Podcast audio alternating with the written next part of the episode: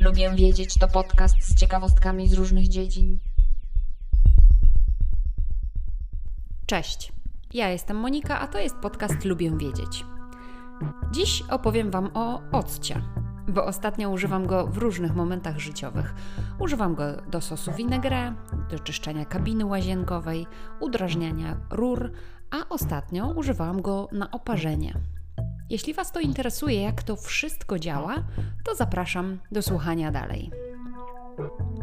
Ocet to wodny roztwór kwasu octowego, zwykle 6 lub 10%, który powstaje w wyniku fermentacji octowej alkoholu. Jest to właściwie taka pseudofermentacja, bo zachodzi w warunkach tlenowych, a prawdziwa fermentacja zachodzi bez dopływu tlenu. Musimy do tego mieć alkohol etylowy, musimy mieć bakterie octowe i tlen.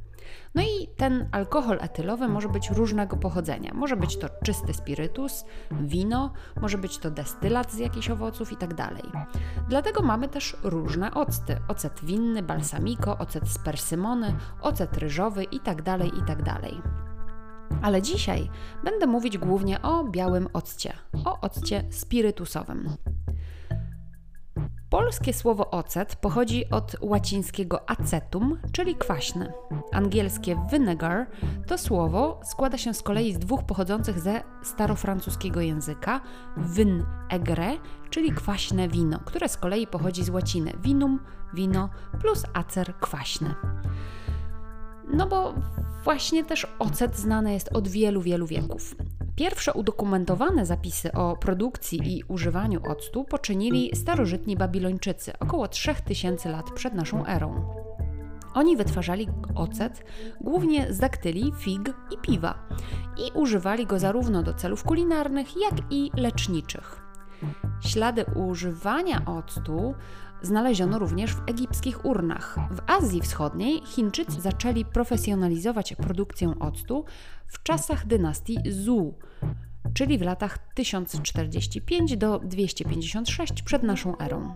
Większość produkcji octu koncentrowała się wówczas w dzisiejszej prowincji Xiangxi, w pobliżu miasta Tajwan, które do dzisiaj pozostaje regionem słynącym z produkcji octu.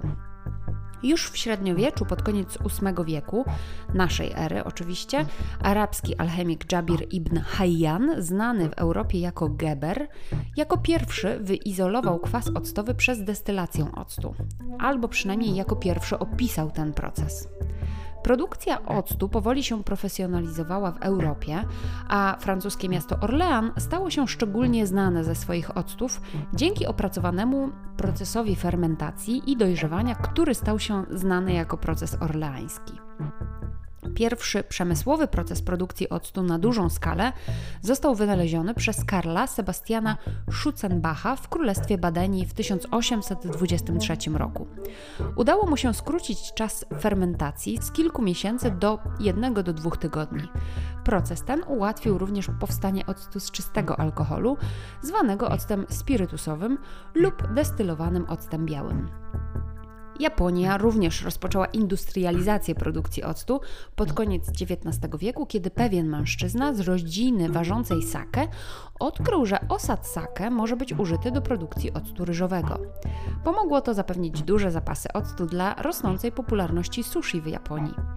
Firma, która została założona przez wspomnianego odkrywcę, jest obecnie znana jako Mizgan, ma siedzibę główną w Kyoto i jest największym producentem octu na świecie. W XX wieku produkcja octu została ponownie zrewolucjonizowana przez wynalezienie procesu fermentacji wgłębnej, który skrócił czas produkcji do 1 do 2 dni, co pozwoliło na masową produkcję taniego octu na całym świecie. Kwas octowy, który jest składnikiem octu, to jest najłatwiejszy do wytworzenia łagodny kwas. Dlatego też był znany od bardzo, bardzo dawna i w przeszłości miał wiele różnych zastosowań przemysłowych i domowych jako na przykład domowy środek czyszczący. I teraz w tej roli powraca na fali powrotu do ekologicznych środków czyszczących. Dlaczego w ogóle ocet działa na zabrudzenia w łazience lub w kuchni? Już od dawna wykorzystywano ocet do polewania kamieni lub skał, które później ulegały rozpadowi.